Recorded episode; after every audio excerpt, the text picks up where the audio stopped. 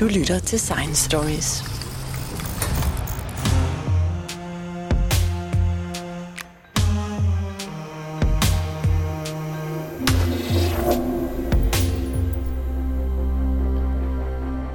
Endnu et år er gået, så velkommen til Science Stories nytårspodcast 2024.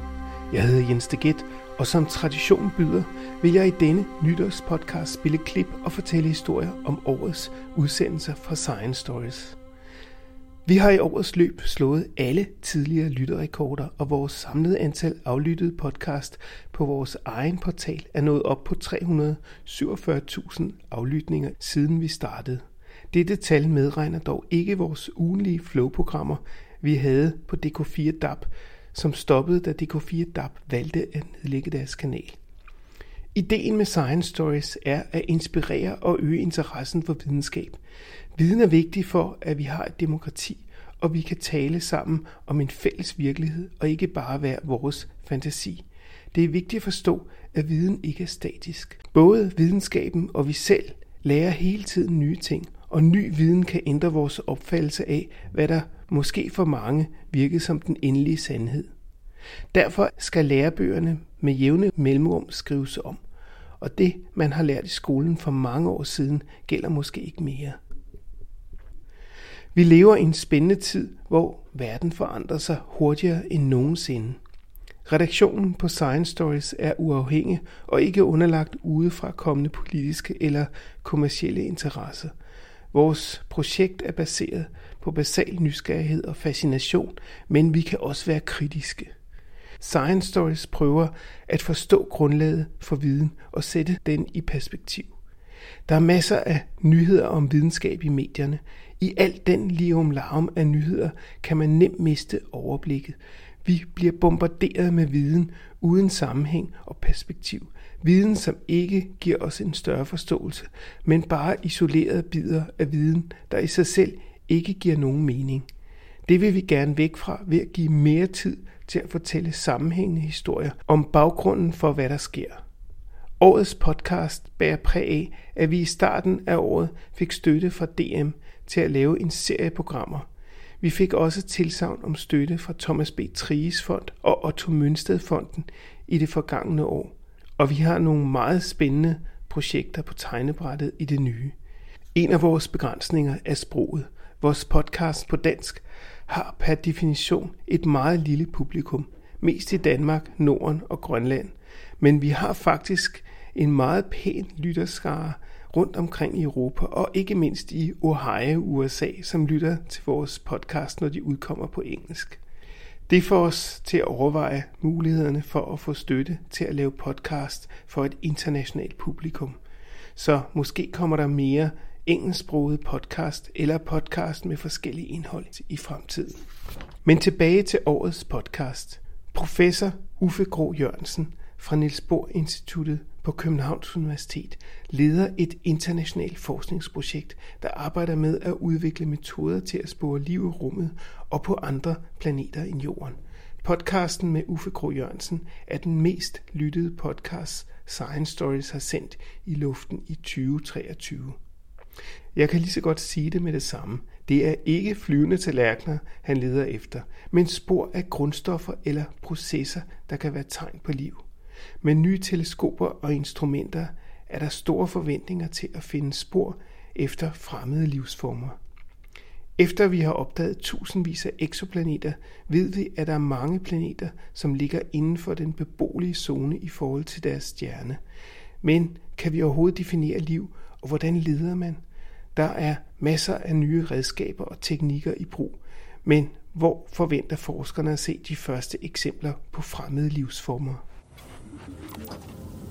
Du lytter til Science Stories.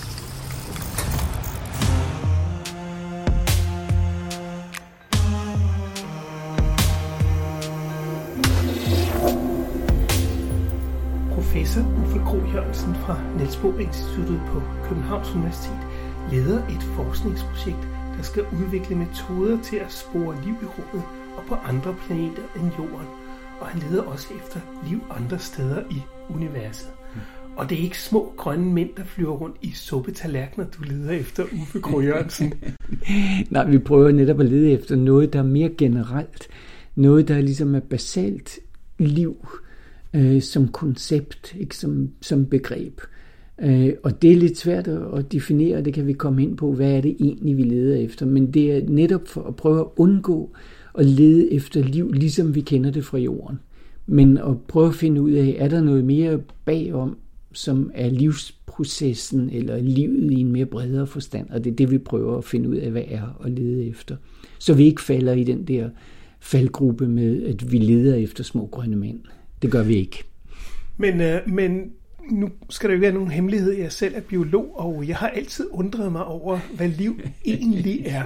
Og, og, det, og det er jo helt fantastisk, at liv både kan have så mange former, men også ligner hinanden så meget. Ja. Altså det er jo bygget op over den samme skabelon af alle steder. Og når det først er der, så er det altså meget svært at komme af med. Ja, det er rigtigt. Det er interessant det der, at, at, det, at det bliver ved med, at det er ligesom selvopretholdende som fænomen. Ikke? Altså det er meget svært at, at udrydde livet, når det først er der. Men, men det er rigtigt, hvad du siger, det der, det er fascinerende, hvad det, hvad det er for noget. Ikke? Og det er fascinerende, at der aldrig er nogen, der har været i stand til at definere, hvad liv er. Øh, og, og det vil jeg godt starte med at prøve at illustrere, for man kan se, hvad det er, hvorfor det er vanskeligt, det vi leder efter, hvorfor det ikke er oplagt, at vi leder efter små grønne mænd. Øh, Øh, fordi det første, man kunne tænke på, hvis, hvis du og jeg, vi sidder og siger levende organismer, så tænker lytteren måske på sådan noget, der sådan bevæger sig rundt, og, og, og, sådan, og, så, og så kan man komme med modeksempler hele tiden. Så, så det første modeksempel, det vil være, jamen altså, øh, om efteråret, der, der blæser øh, tørre blade rundt. Var det det, du mente med levende organismer? Ikke? Og, og det var det selvfølgelig ikke, for det var ikke en levende organisme. En af de emner, der er blevet diskuteret meget i medierne i sidste år, var sorte huller. Den unge danske phd studerende Albert Sneppen fortalte en masse overraskende nyt om sorte huller. På trods af sin unge alder kom han i gang med at forske i sorte huller allerede fra studiestarten i 2017, og sidenhen er det gået meget stærkt. Hans seneste publikation i tidsskriftet Nature om to neutronstjerners kollision trak overskrifter verden over.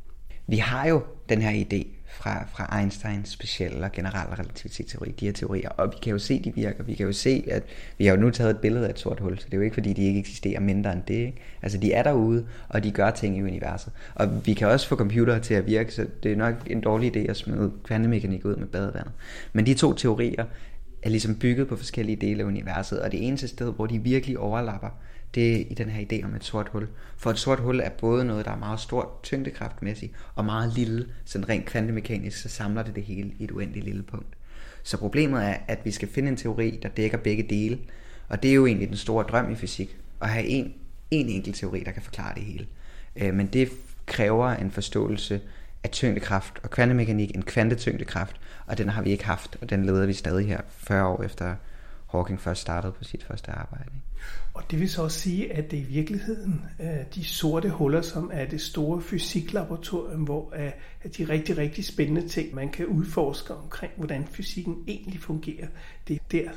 Ja, at det er, det er lige nu er sorte huller, ikke bare ikke bare sorte i den forstand, at de har en horisont, der separeres, men det er også vores, vores forståelseshorisont ligger der på det sorte hul. Og, og for at, at komme videre med fysikkens lov, så er vi nødt til at løse det her spørgsmål om, om, om hvorfor sorte huller overhovedet eksisterer i universet. For det er vigtigt at sige, at sorte huller, som de eksisterer lige nu, bryder kvantemekanikkens love.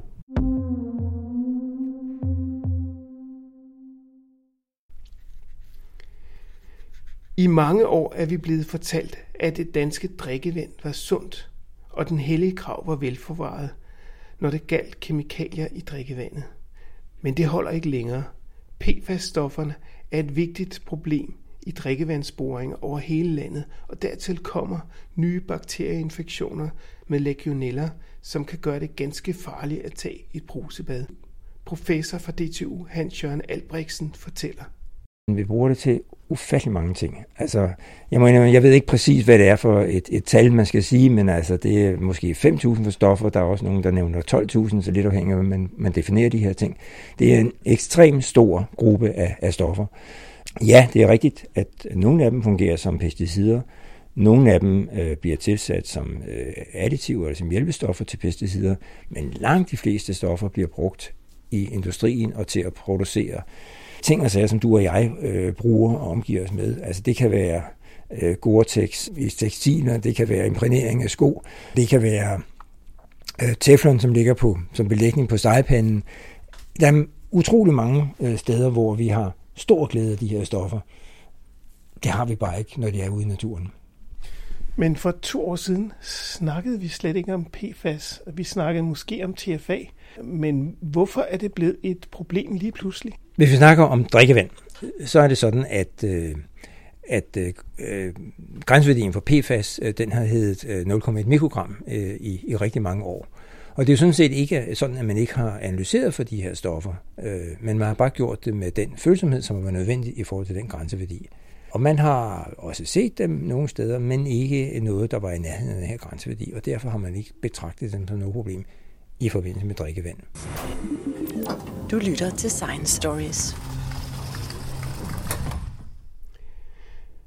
Astrometrien beskæftiger sig med at kortlægge stjerners position i verdensrummet, og den viden, man tilvejebringer, er grundlaget for en dybere forståelse af stjerners og planeters mange niveauer.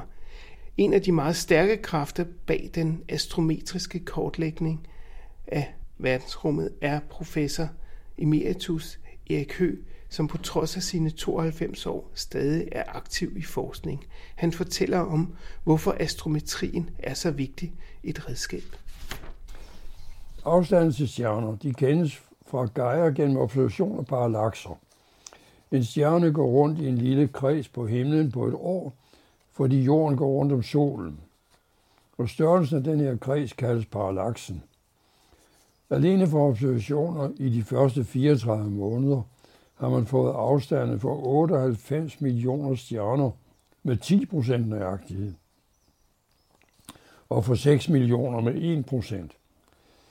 Og det er et enormt fremskridt for astrofysiske undersøgelser.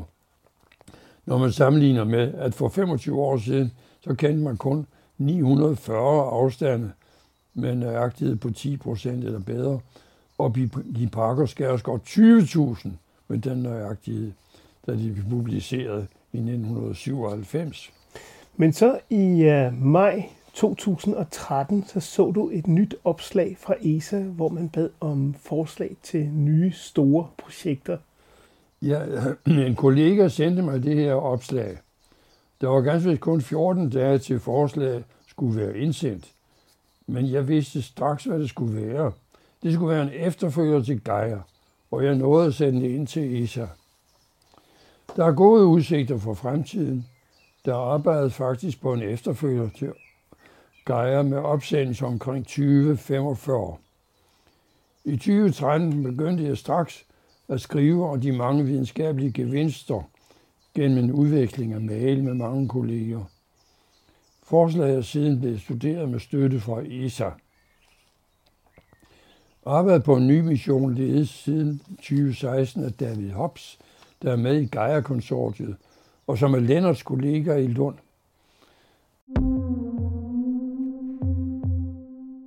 Covid-19-pandemien er over, eller er den? Professor Anders Fomskov fra Statens Serum Institut har siden starten af pandemien med jævne mellemrum fortalt Science Stories lyttere om baggrund og årsager til udviklingen af covid-19-pandemien.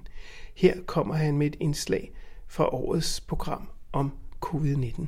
Anders, hvad er der sket med covid? Hvor er den blevet af?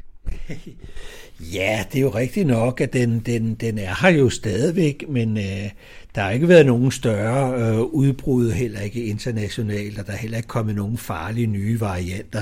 Så øh, tilfældene går jo ned og ned. Uh, med det forbehold, at vi heller ikke tester så meget mere og overvåger så meget mere. Uh, vi er jo begyndt at overvåge spildevand i stedet for at bekymre folk med at få taget prøver fra folk, så øh, kan vi se, at det bliver udskilt i, i afføringen og i, i, i, i spildevandet. Så, og det korrelerer faktisk meget godt. Der kan vi se, hvilke typer der er, og vi kan se, at det går nedad stadigvæk. Så øh, det regner vi ikke med skal blive øh, noget stort problem. WHO har heller ikke anbefalet øh, øh, årlige vacciner til alle i hvert fald, men måske kun nogle bestemte grupper. Og sylve sygdommen blev jo 1. april erklæret for ikke noget større problem. Og så kan man sige, altså, hvordan, hvordan stoppede det? De fleste pandemier stopper jo på et tidspunkt, og, og, og det skete jo ligesom øh, øh, omkring øh, omikron, da den kom i vinters, at til trods for, at det ligesom steg med ja, rekordstore 50.000 smittede danskere om dagen, at, at der ligesom ikke var nogen rigtig øh, på sygehuset. Og det var jo det primære mål, det var, at der ikke skulle overbelaste intensivafdelinger osv., og det var der ikke.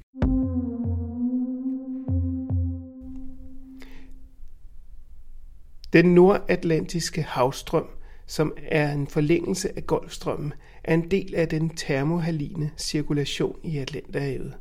Havstrømmene er med til at opretholde en gennemsnitstemperatur i Europa og Nordatlanten, som er 5-8 grader højere, end den ellers ville være. Forskerne har i mange år advaret om, at hvis denne strøm stopper, vil der ske kraftige klimaændringer på meget kort tid.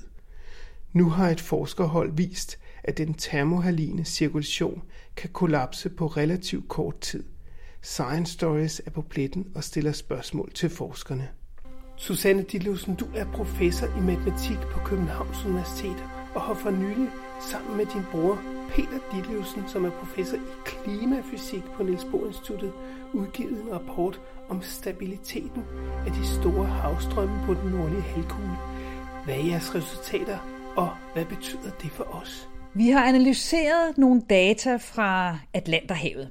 Og i Atlanterhavet, der er der sådan et øh, stort strømsystem, der fører noget varmt vand ned fra syden af op til norden. Så vil sige, du kan forestille dig, der er varme omkring troberne. Det bliver så ført i overfladen op øh, langs Europas kyst, og så øh, når det rammer øh, Grønland, så øh, synker det ned, fordi at det er tungere end det vand, der er der. Det er styret af salt og øh, temperatur øh, i vandet, så koldere vand er tungere, og mere saltvand er tungere.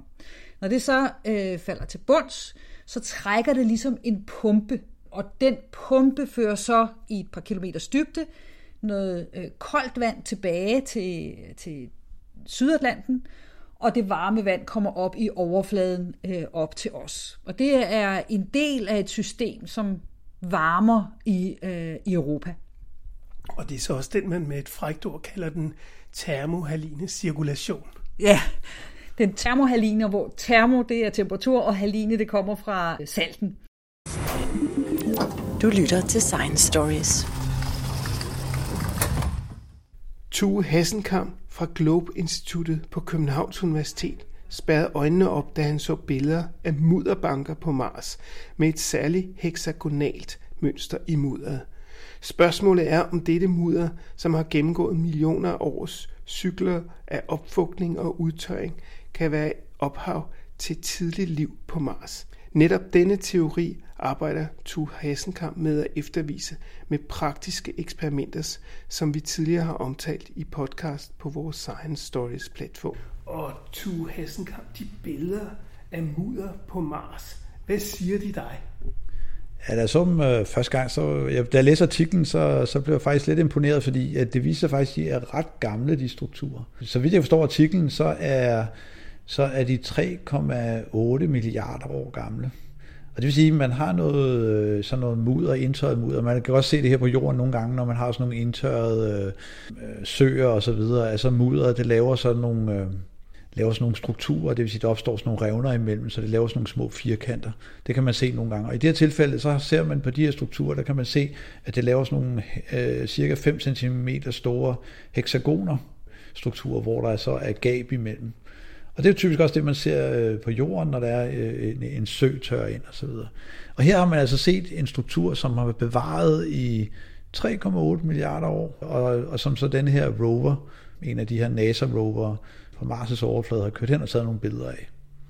Det, der så er interessant ved artiklen, det det så siger, det er så, at det her kommer jo af, at det har været vådt, og så er det tørret op. Så det er ligesom sådan noget mudder, der er tørret op.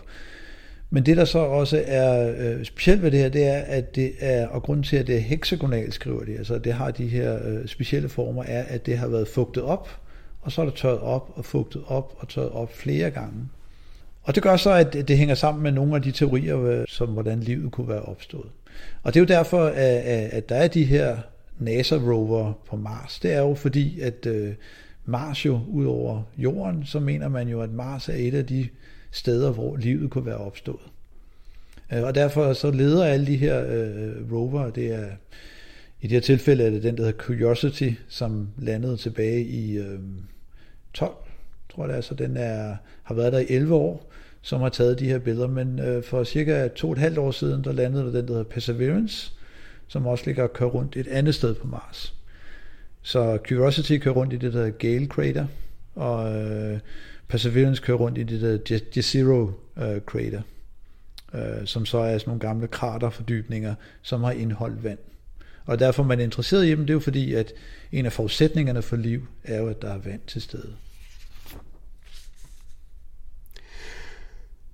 Professor emeritus Reinhard Møbjerg Christensen fra Zoologisk Institut på Københavns Universitet har i næsten 50 år været blandt de ledende forskere i verden inden for studiet af dyrene i majofaunaen, som er defineret ud fra dyrenes størrelse på ca. 0,03 mm til 0,5 mm. Mange af dyrene har stamfædre, der rækker tilbage til den kambriske eksplosion, og hvis man ser bort fra størrelsen, så repræsenterer dyrene en fantastisk diversitet af drabelige kropsformer, der har de mest utrolige specialiseringer og udviklinger af lemmer og organer. Mange af dyrene har overraskende effektive overlevelsesmekanismer, som gør dem i stand til at klare sig gennem enorme temperatursvingninger fra det absolute nulpunkt og længere tids udtørring, radioaktiv stråling – og selvfølgelig har Reinhardt sendt nogle af sine favoritbjørnedyr ud i rummet for at se, om de kunne overleve ubeskyttet i det ydre rum. Men nu var det ikke bare øh, bjørnedyr alle sammen. Der var jo faktisk også nogle, nogle nye arter, du fandt, og, og diversiteten af de her dyr, der findes øh, nede i interstitielfaunaen, den er jo øh, kæmpestor. Der findes øh, rigtig meget dernede. Ja, vi har jo 35 dyrerækker her på jorden, men de ni af dem, de er fundet mellem sandskorn, så det er jo helt fantastisk. Og to af mine er fundet også, altså først og fremmest uh, korsetdyrene, Loricifra, fandt jeg i sandskorn, men det gik mange år, inden jeg fandt ud af, hvor den var, for den første larve, hampens larve, den fandt jeg lige uden for Kronborg, og den var helt fantastisk, og den var levende, og den svømmede rundt og så videre, så nu tænkte jeg, at nu har jeg opdaget noget helt nyt. Så, og det havde jeg også, men så tog jeg den med ind på Københavns Universitet, og der mødte jeg min gamle professor Vingstrand, altså det var sent om aftenen, og så, så siger han øh, til ham, prøv at se det her, og så slog han hænderne sammen og tændte en smøg og siger, Reinhard, du har fundet noget helt nyt. Så siger jeg, nej, er det ikke bare et juledyr? Nej, nej, det der er helt nyt. Og siger, hvad gør jeg ved den? Ja, du støber den ind, og så snitter den til elektromiskopi, ellers kan du ikke finde ud af, hvad det er. Og siger, jamen, hvem kan jeg få til at hjælpe? Du kan ikke få nogen til at hjælpe, du må gøre det selv. Og sige, ja, hvad mener man, kan jeg ikke vente til i morgen? Nej, så dør dyret, og så er nok halvrøden. Du øh, støber den ind i æppen, altså i noget plastik, og snitter du den på transmissions elektronmikroskopet, og det gjorde jeg så, og den første snit, jeg tog, der tog jeg altså en snit på 80 my, og dyr var kun 50, så den ligger stadigvæk over på Institut for Sammenlignende Anatomi, som nu her Biologisk Institut. Så jeg mistede den simpelthen. Så min første lille larve af et korsetdyr, Lorcifra, den mistede jeg så. Ej, hvor ærgerligt. Og det var, det, første, det var den første opdagelse af hele den dyrerække, og man havde aldrig set noget lignende før. Man har aldrig set noget som helst lignende, troede jeg jo selvfølgelig, ikke? fordi at den var så unik, den var jo helt fantastisk. Ikke?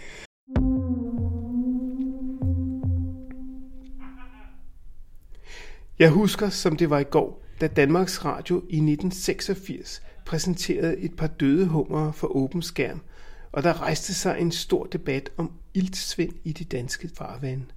I dag, 37 år senere, er tv igen tilbage med billeder af ørkenlandskaber på havbunden, og en klar adresse til dem, som har forurenet vandet med gødning og næringsstoffer. I dag er der ikke engang døde hummer at vise frem længere, bare et dødt bundlandskab med ildsvind og ildelugt.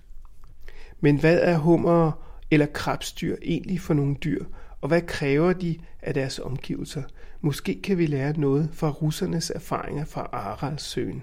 Seniorforsker emeritus Jens Hø fortæller historien til Science Stories. Du har jo faktisk studeret, hvordan man kan genoprette et sted, hvor at vandet ligesom har mistet sin økologiske basis for, at dyrene kunne leve der. Det er rigtigt. Øh, det er nok ukendt for de fleste, hvilket i virkeligheden er lidt tragisk, og også en af grundene til, at jeg sammen med faktisk mine russiske kolleger øh, lavede en øh, stor oversigtsartikel over den økologiske katastrofe, der er sket inden for de sidste, hvad bliver det, 70 år, er det faktisk mindre end det 60 år, i Aralsøen i det centrale Asien. Kigger man på gamle atlas, så vil man jo se, at i det centrale Asien, der har vi det velkendte Kaspiske hav, den først største saltvandssø eller saltvandshav, vi har i verden, der jo som bekendt ikke har noget frit afløb øh, til havet. Det er derfor, den er salt. Men lidt længere mod øst, der finder man Aralsøen, som ikke er nær så stor som det Kaspiske hav, men dog med hensyn til overfladeareal, var en af de allerstørste ferskvandssøer i verden, kun overgået af nogle af dem i USA og Victoriasøen øh, i Afrika. Kigger man i dag på billeder fra rummet, det er dårligt nok kommet ind i Atlas endnu, så vil man se, at søen faktisk er væk. Den er blevet til en ørken. Og så kan man spørge sig selv, hvad i alverden er der sket?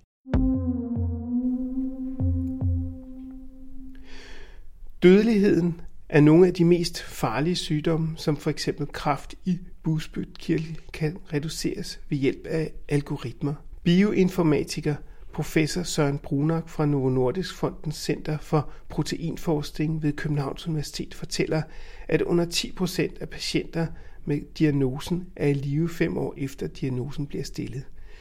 Ved at se på mønstre i tidligere sygdomme fra patientjournaler, kan man træne neurale netværk i at finde kombinationer af tidlige faresignaler, og så kan man udpege og behandle patienter med risici langt tidligere, før de viser tegn på sygdommen.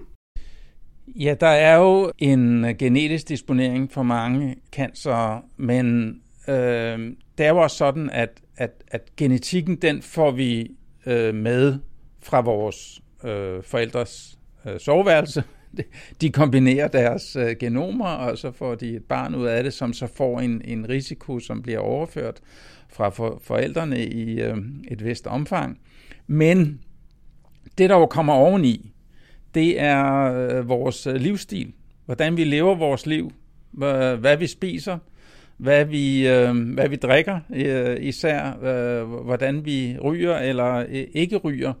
Så, så det er ikke bare sådan, så man kan læse ud af, af genetikken, hvem der får sygdommen. Hvis det var så let, så, så, så ville vi ikke have et, øh, et problem. Og det gælder jo rigtig mange andre sygdomme, at du kan have en genetisk risiko for at få sygdommen, men om den bonger ud hos dig, kan man sige, det, det afhænger af, hvordan du øh, lever dit, dit øh, liv, men også måske af, om du er uheldig at få nogle andre sygdomme, før du får sygdommen. Altså sygdommene, de er, øh, står jo i et vist omfang i ledtog med hinanden, og ligesom bygger nogle, nogle risici op, som så øh, udmyndter sig hos, hos, øh, hos nogen. Du lytter til Science Stories. Mange gemmer måske på en stor drøm om at komme op og flyve i vægtløs tilstand i rummet. Men når man hører om arbejdsvilkårene for en astronaut, så virker det måske knap så glamorøst. Den danske astronaut Andreas Mogensen fortæller i dette eksklusive interview om de daglige rutiner, arbejdsgangen på rumstationen og hvordan det er at arbejde under pres med en masse opgaver, der skal udføres med stor præcision. Ja, hvor lang tid er det egentlig, du skal være afsted, Andreas Mogensen? Jamen, øh, pt. så er øh, opsendelsesdatoen, det er den 17. august, og så er hjemkomst i slutningen af februar, så det er cirka 190 dage, sådan noget lignende, at jeg skal være afsted. Men man har jo før hørt om, at sådan nogle øh, missioner trækker ud, og der sker det ene og det andet og så videre. Tror du, datorerne holder?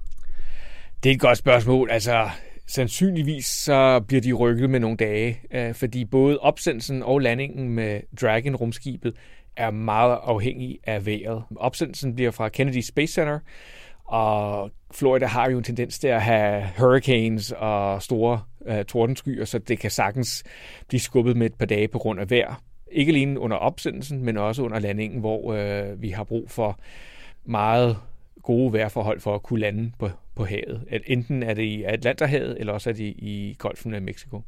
Men hvad, hvad savner du mest fra at være afsted? Fordi at, øh, det er jo efterhånden nogle år siden, du har været afsted på den sidste mission. Ja, det er jo snart øh, otte år siden, jeg var øh, afsted på min første mission, og jeg glæder mig bare utrolig meget til at komme afsted igen. Altså, så snart jeg landede efter min øh, første 10-dages mission, der var jeg klar til at, øh, at tage afsted igen. Jeg følte slet ikke, at jeg havde oplevet nok, set nok øh, ombord på rumstationen, så jeg vidste, at jeg gerne ville afsted, og jeg glæder mig øh, bare til at komme derop. Altså, rumstationen er et helt unikt laboratorium, hvor vi kan lave øh, utrolig meget spændende forskning og teknologiudvikling, og så er det også bare sjovt at bo deroppe, altså at være vægtløs og kunne flyve frit øh, og kigge ud af vinduet og se vores smukke planet. Jamen, jeg prøver at forestille mig, hvordan det er, altså hvordan det er at flyve afsted derop med enorm stor hastighed og, og se hele jorden øh, passere forbi hele tiden. Men jeg, jeg, jeg tænker på sådan en ting som, hvordan lugter der deroppe?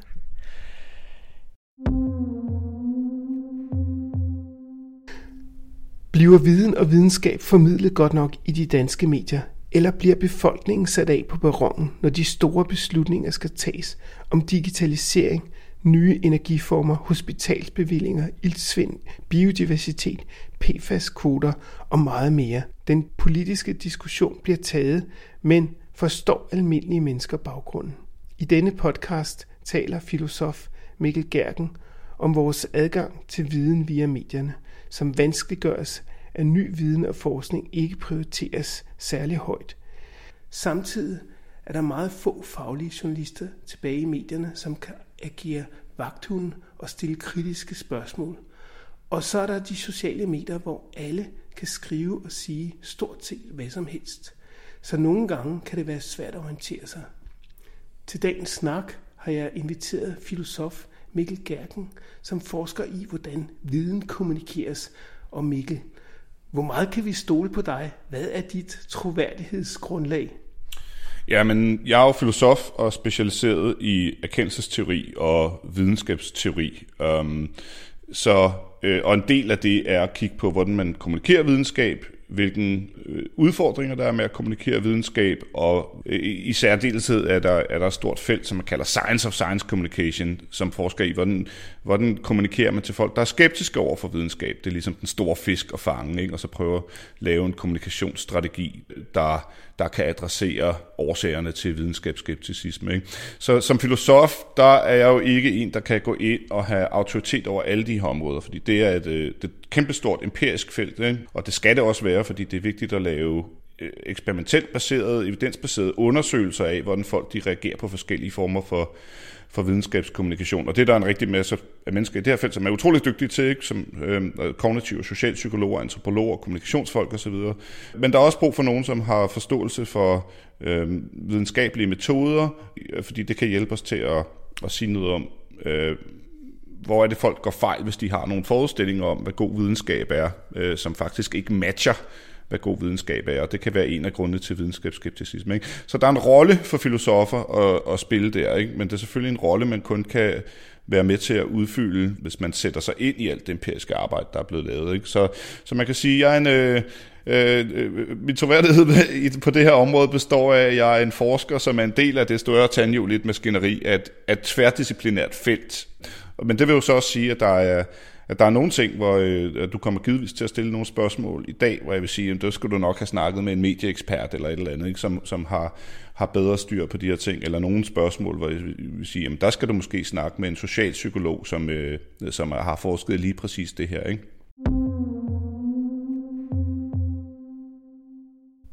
Professor Jens Jul Holst er en af de centrale personer, der stod bag udviklingen af slankemidlet Vegovi. Det er en kompliceret, men spændende historie, som viser, at reguleringen af vores stofskifte er vigtig for alle mennesker. En meget stor procentdel af mennesker i den vestlige verden har problemer med at holde vægt, blodsukker og blodtryk nede. Hør professor Jens Jule Holst fortælle den spændende historie, som slet ikke er slut. hvad, hvad bliver fremtiden? Ja, det er jo meget, meget, meget interessant. Altså, som jeg nu har sagt, ikke, så for det første, så er det, så er det nu lykkedes at behandle øh, type 2 sukkersyge, man kan næsten sige i bund. Ikke? Altså så meget, som man får fuldstændig normalt blodsukker af det. Øh, det gælder altså folk, der ikke har haft sukkersygen for længe, fordi som vi har talt om før, så har man måske ødelagt sine beta-celler så meget, så, der er ikke, så det er svært. Det bliver under andre omstændigheder bedre, meget bedre, men, men det er ikke sikkert, at man kan få det fuldstændig vendt om. Men der er altså en mulighed for at gøre det, og det, det er 50 procent, som jeg talte om. Det er virkelig, virkelig, virkelig mange. Det er helt sensationelt, at man kan få sukkersygen til at forsvinde på den måde. Og øh, som vist i Select-studierne, så kan vi regne med, at man også dermed vil forhindre øh, den overfrekvens, der er af bivirkninger, altså af komplikationer, nemlig øh, hjertekarsygdommene og, og tidlig død øh, på, på denne her måde. Så det kan ikke overvurderes, det er det, jeg vil sige. Men det må ikke undervurderes, det kan ikke overvurderes. Det er fantastisk. Og så det andet, det er jo så behandlingen af overvægt og fedme. Og der er det jo så, må man igen sige, for første gang faktisk, at det pludselig er muligt at lave et vægttab, som er så stort, så det for det første har den virkning på komplikationerne til fedme, som det skal have. Og der skal man altså op i 10 procent og derover, er det vist flere gange, øh, for, for, for at undgå komplikationerne for alvor af, af overvægten. Det er så nu muligt. Og det er så også, for det ikke skal være løgn, vist i et eksperimentelt studium, nemlig Select-studiet, at det rent faktisk virker på at forhindre komplikationerne. Det er også en sensation. Det er også en fuldstændig ny situation, som man ikke har været i før. Og det er jo en ny verden, vi nu skal træde ind i og, og prøve at finde ud af, hvad vi skal stille op med.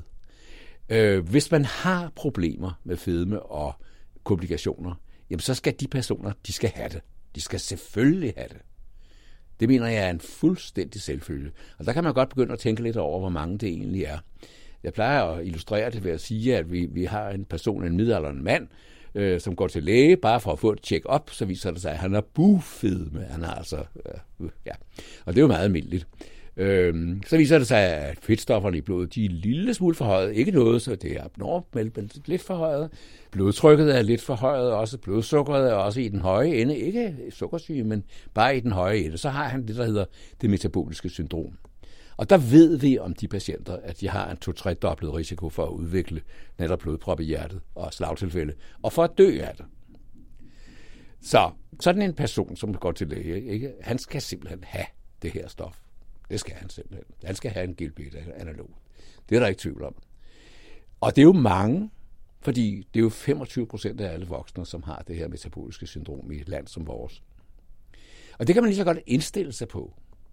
Så kommer så problemerne, hvor, hvor, hvor det er uden for, min, for mit område, at finde ud af, hvordan man løser det problem, at der er mange, der skal have det. Ikke? Jeg plejer at forestille mig, hvordan øh, lastbilerne kører fra regionerne læsset med pengesække, som kører ud til Novo Nordisk ude i, i Søborg, eller i Bagsvær. Øh, og det kan vi jo ikke have, den situation. Man kan jo ikke have så en sådan en gigantisk ubalance i, i et lille samfund som vores. Så der er nogen, der må gøre noget. Det er ikke mig, fordi det er ikke mit job, det er ikke mit, min ekspertise at løse det problem. Men løses, det skal det. Og jeg har en meget enkel løsning. Man kunne for eksempel sætte prisen ned. ja, det synes jeg da også ville være det eneste rigtige. Jeg er fuldstændig enig. Og det kommer også til at ske. Det kan jeg så sige med det samme. Se, det her, det andet stof der, som hedder tirsapatid, ikke? det er jo så kommet på markedet øh, i, i Amerika øh, til behandling af fedme nu. Og hvad har de gjort? De har sat prisen ned med 25 procent i forhold til Vigovi. Det er jo smart. Og det vil jo ske igen. Og det er jo så samtidig sådan, at det her marked er så kæmpe, kæmpe, kæmpe, kæmpe stort på over hele jorden, og der er så mange mennesker, som gerne vil i gang med det her, så øh, de to fabrikker der, de får det ikke for sig selv, det er fuldstændig udelukket. Der er masser af firmaer, som fremstiller snyde GLP-1 øh, i øjeblikket, øh, og det markedet vil blive oversvømmet med snydepræparater, og der vil blive svindlet og fubbet gevaldigt. Og det vil alt sammen medføre, at priserne falder og falder og falder, og til sidst så ender det med, at de bliver helt fornuftige. Det var alt, hvad vi havde at fortælle i dag. Lyt til Science Stories på din foretrukne podcast-platform. Hvis du ikke finder os der, kan du altid finde os på vores website www.sciencestories.dk. Ha' et rigtig godt år i 2024. Hvis du holder af historier om videnskab, kan du finde Science Stories hjemmeside på www.sciencestories.dk. Vi er på sociale medier som Facebook, Instagram, LinkedIn og Twitter. Du kan finde vores podcast på de fleste podcastudbydere som SoundCloud, Podimo, Spotify, og hvis du bruger Apple Podcast, må du meget gerne give os en rating og en kommentar, så andre også kan finde os. Jeg hedder Jens Deget, og dette var Science Stories.